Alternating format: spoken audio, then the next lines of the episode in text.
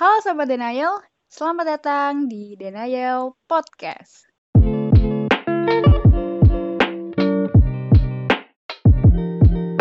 Pada topik kali ini, ya gue bakal membahas tentang topik yang emang lagi marak diomongin ya sama satu dunia gitu. Apalagi kalau bukan pandemi COVID-19 gitu. Mungkin mungkin kita uh, butuh ngomongin ini juga karena baru-baru ini banyak banget berita di mana pun gitu ya kali ya yang marak memang eh, pandem apa COVID-19 ini meningkat lagi gitu. Dan seperti biasa, gue punya teman diskusi untuk podcast kali ini. Halo Mas Ijal. Iya, halo. Oke. Nah, oke Mas Ijal, langsung aja ya. Gimana, gimana? Mm -mm. Jadi memang pandemi COVID-19 ini virusnya sih, ini udah bermutasi Mas Ijal. Jadi Oh, mm, mm, sekarang tuh variannya ternyata nambah. Ada varian alpha, varian beta, sama varian gamma. Jadi main serem ya Mas Ijal ya sekarang. Mhm. Jadi mm, mm.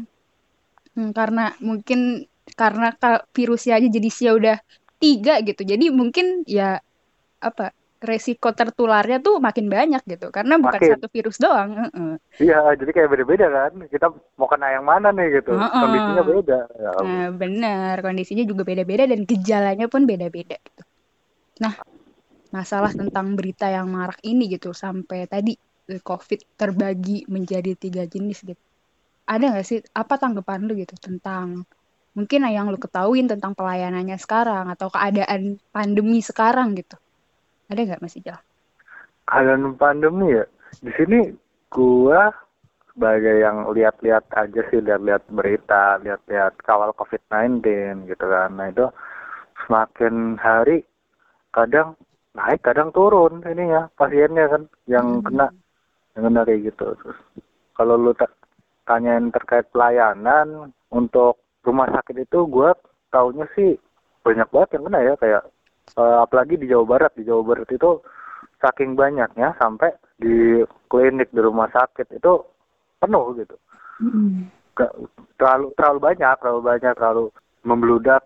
Jadi di situ kewalahan juga dari pihak rumah sakitnya itu. Kemarin juga gua baca baca ada salah satunya itu dari Jawa Barat lagi itu beberapa rumah sakit itu BOR-nya itu bed of occupation rate-nya itu sampai 100% atau itu kamarnya penuh gitu loh kamar kamar-kamar pasiennya semuanya penuh nggak kebagian lagi. Sampai-sampai ada yang terlantar nggak bisa nggak bisa dirawat di rumah sakit terus di- harus dirawat mandiri di rumah. Padahal ada yang ada yang parah ada yang ada yang harus emang butuh penanganan medis di dalam rumah sakit gitu. emang kalau dari rumah sakit sendiri apa ya kurang gitu kan. Jadi kayak orang-orang banyak yang butuh apalagi sekarang ya sekarang gitu. Gara-gara sekarang pandemi COVID-19 banyak yang kena gitu ribuan ratusan ribu. Rumah sakit sendiri pelayanannya itu untuk sekarang ya untuk pandemi belum memadai gitu. Karena emang orang yang sakit itu pasti butuh butuh Mm-mm. pasti butuh butuh perawatan. Di mana rumah sakit tidak bisa menjamin semuanya dapat karena tadi kebanyakan pasiennya. Ya Mm. kita nggak bisa ini juga ya. Eh, mungkin dulu rumah sakit kan nggak nyangka juga kan bakal ada pandemi kayak gini. Mungkin nggak ini apa namanya nggak nggak teratasi gara-gara ternyata saking banyaknya. Sehingga rumah sakit ataupun gue lupa. Maksudnya yang ngasih tahu siapa itu ya? Maksudnya yang yang ngasih apa arahan dari rumah sakit atau dari pemerintah di mana kalau kena COVID-19 terus sakitnya nggak seberapa. Maksudnya kan ada tingkatan ya gitu. Itu kalau misalkan tingkatannya lumayan rendah itu diurus mandiri aja di rumah gitu kan. Nggak usah dirawat di rumah sakit. Kalau dulu kan apa apa langsung rawat rumah sakit. Kalau sekarang ada kayak harus ada syaratnya dulu nih COVID-19-nya gejalanya seperti apa baru bisa di rumah baru bisa dibawa ke rumah sakit. Jadi kayak ada langkah prevent ada ini ada apa ya lega sedikit lah. Jadi nggak apa-apa dirawat di rumah sakit terus. Ada yang bis ada yang kayak instruksi untuk rawat di rumah dengan cara ini ini ini. Ya pasti dikasih tahu lah caranya kayak gimana. Terus juga kema- kemarin-kemarin ini nih yang di wisma atlet itu juga ada kan Hmm. sampai berapa? tujuh ribu tujuh ribu hampir delapan ribu di situ. Jadi penuh di situ. Jadi penuh banyak yang terlantar ya mau gimana ya? Ya ini udah setahun sih tapi ya. Hmm. Eh, tadi tapi itu juga ada udah ada penambahan dikit-dikit tadi.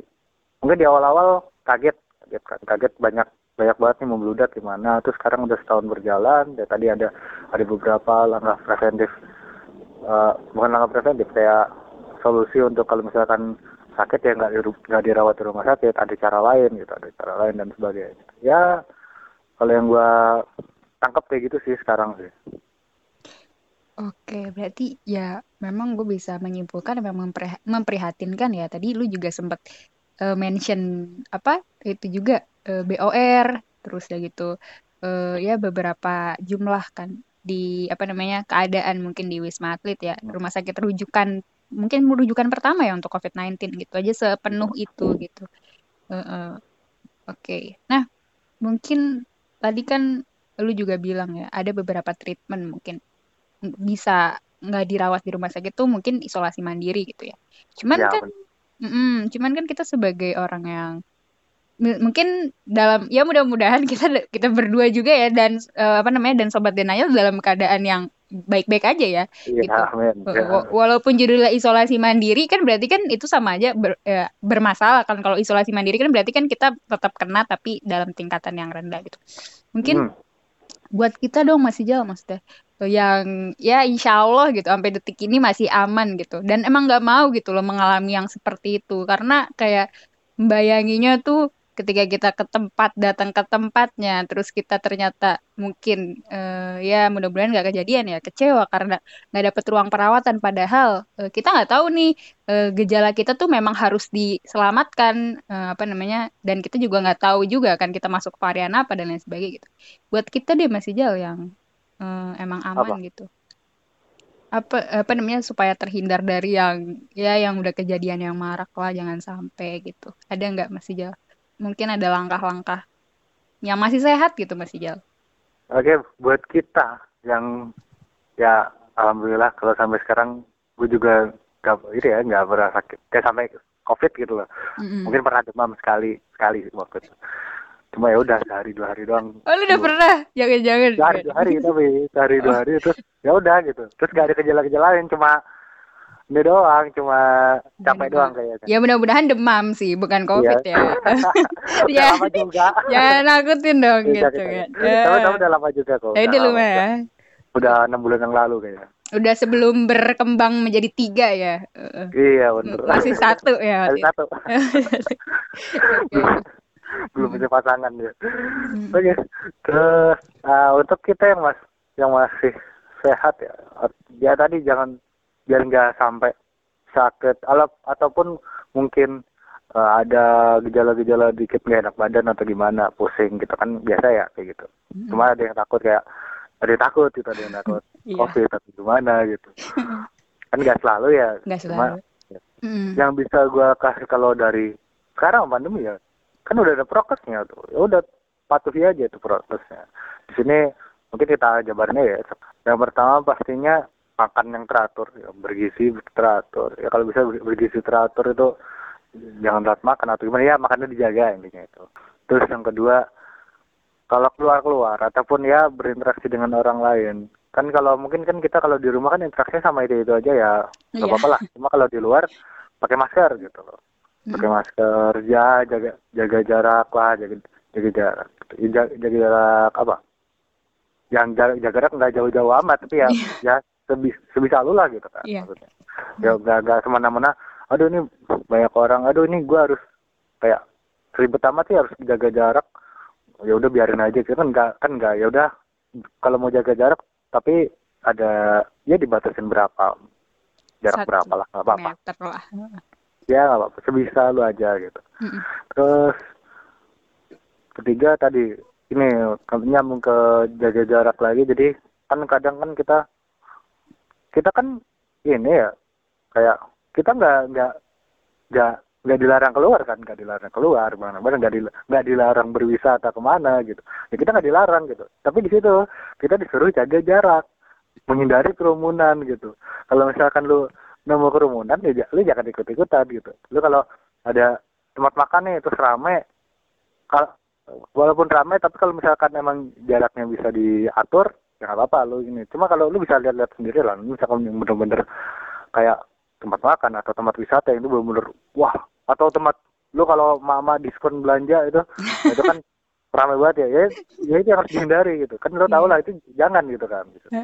itu ini ya oh ya ya biasa biasalah harus steril atau apa. Gitu ya sebisa mungkin gitu. Nggak nggak harus sempurna banget dan lu juga tadi kan nggak dilarang berinteraksi sama orang nggak di- dilarang apa. Ya yang penting lu bisa jaga diri masing-masing gitu. Ya, jangan- ini covid soalnya beneran ada kan covid beneran ada sakit ini beneran ada. Jadi ya harus, kita harus hati-hati. Terus kalau lu ini nih lagi nggak enak badan nih Mm-mm. ya udah ya lagi nggak enak badan lah kayak ya tau lah ya nggak enak badan gimana batuk atau agak panas hangat gimana gitu. ya itu lu coba untuk nggak beraktivitas yang berat dulu dan tadi hindari orang-orang dulu gitu hindari orang-orang yang lainnya dulu soalnya kan tadi kan kita nggak tahu kan itu ada ini lu sakit antara lu lu kena covid atau lu sakit karena emang sakit gitu Mm-mm. nah kalau lu sakit karena covid lu hindari orang lain biar lu nggak menularkan. Tapi kalau lu sakit karena lu sakit, lu menghindari orang lain biar lu nggak kena gitu.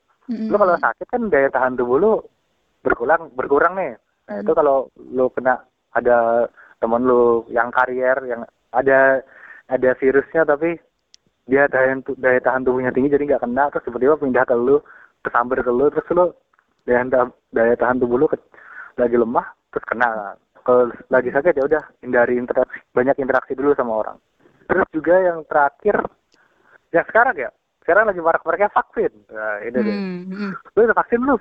Udah masih jauh. udah. Gue belum. Emang sebenarnya sebenarnya emang yang diutamain tuh eh, lansia dulu masih Cal gitu.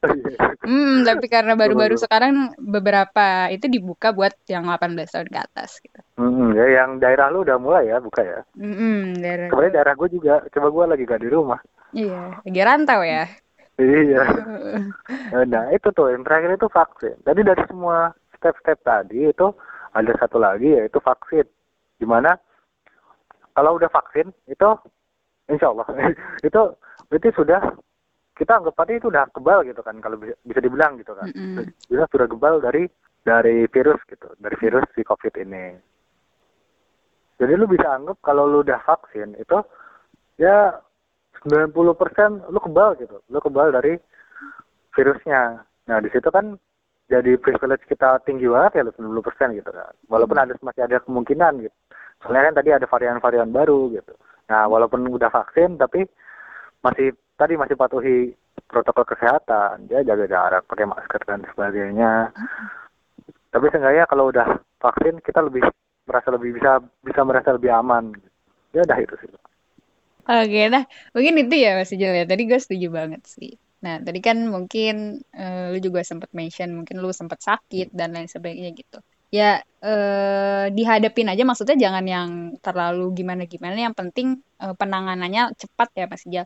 Kan mungkin siapa tahu ya mahasiswa semester akhir gitu kan. Aku juga ya. Ya yang kayak gitu-gitu biasa ya telat makan gitu ya gara-gara Ya. deadline dan lain sebagainya. Tapi itu juga nggak bisa dibenarkan ya Mas. Ijal tetap ya. Karena tadi juga bilang yang penting makan itu teratur dan ya dijaga lah gitu dari waktunya dan dari eh, dari segi Gizinya. makanannya. Ya kan tadi lu mention itu. Jadi gitu ya eh, yang penting tuh beneran deh eh, apa namanya asupan itu sangat amat mempengaruhi gitu. Ya makanan minuman juga dan mungkin obat-obatan yang eh, apa yang nggak boleh sembarangan gitu. Terus kalau misalnya emang lu ya ternyata menduga kalau lu memang COVID-19 atau memang sudah eh, terindikasi gitu COVID-19 Iya, iya. gitu. Ya nggak boleh gitu lu egois buat eh, tetap apa namanya ya walaupun lu pakai prokes gitu, tetap lu mau berkerumunan gitu ya. Kalau bisa ya jangan gitu. Bener-bener emang prokesnya emang isolasi mandiri, ya lu harus lakuin itu gitu ya. bener banget Mm, Oke. mm. Yang paling penting juga vaksin gitu. Ya walaupun tadi memang dipercaya gak 100% gitu untuk mencegah, tapi menurut kita gitu ya, menurut mungkin eh, menurut eh, Denial Podcast ini ya vaksin itu salah satu ikhtiar gitu buat melawan COVID-19 itu sendiri gitu. Oke, mungkin itu ya tadi ya yang eh, lu mention beberapa. Oke, mungkin eh, segitu dulu ya Sobat Denial. Jaga kesehatan, patuhi prokes. Yang paling penting vaksin ya. Jangan disia-siakan kesempatannya gitu ya. Jika Ya. udah ada dan sudah tersedia. Oke, mungkin pamit undur diri. Salam milenial. salam milenial Goodbye.